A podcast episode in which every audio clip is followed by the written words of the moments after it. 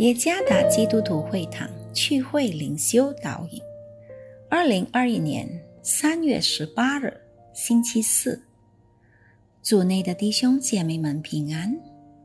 今天的灵修导引，我们将会借着圣经马太福音十三章三十一和三十二节来思想今天的主题：芥菜总办的信心。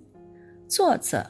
黄晓峰音乐老师，马太福音十三章三十一节，他又设个比喻对他们说：“天国好像一粒芥菜种，有人拿去种在田里。”三十二节，这原是百种里最小的，等到长起来，却比各样的菜豆大，且成了树。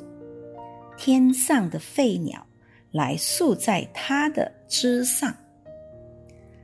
芥菜种般的信心，我们经常听到这样的词句，不是吗？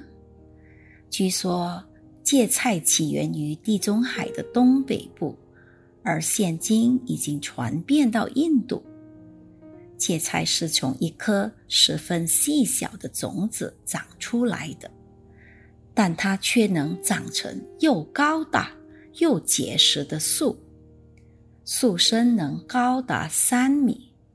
天上的飞鸟通常喜欢宿在它的枝上。主耶稣在这段经文里用比喻来说明有关天国道理的信心。信心就是上帝借着耶稣基督所赐下给他子民的恩典。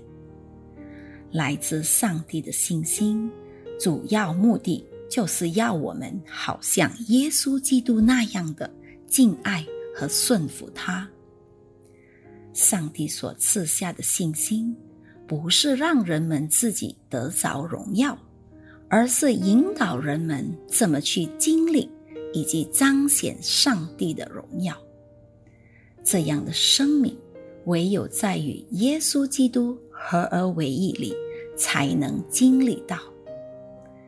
上帝国度子民的生活，也好像基督到来那样，在那里经历以及彰显上帝的荣耀。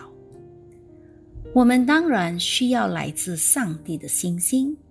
以便在面对生活上种种的暴风雨时，仍然能站立的稳，去尽力以及彰显上帝的荣耀。上帝所赐下的信心，是需要经常透过殷勤的聆听、思想以及实行上帝的真理来培养的。这样一来。每个上帝国度子民的生活，将会更加专注于上帝的旨意，就是经历以及彰显他的荣耀。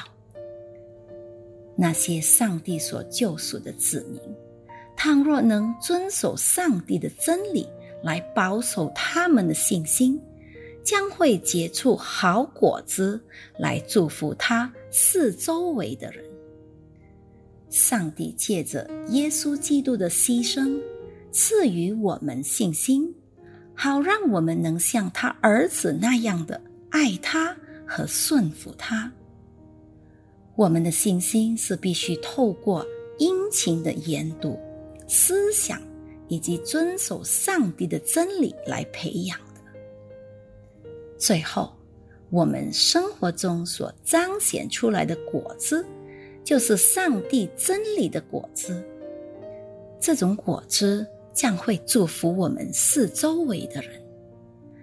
那么，我们这些上帝国度的子民将会专注于上帝赐予我们的旨意，就是经历以及彰显他的荣耀。拥有真正的信心，就像芥菜种般的信心吧。虽然看起来只是一颗微不足道的小不点儿，但它将会长成非凡的信心，因为它是在基督里与基督一同成长的。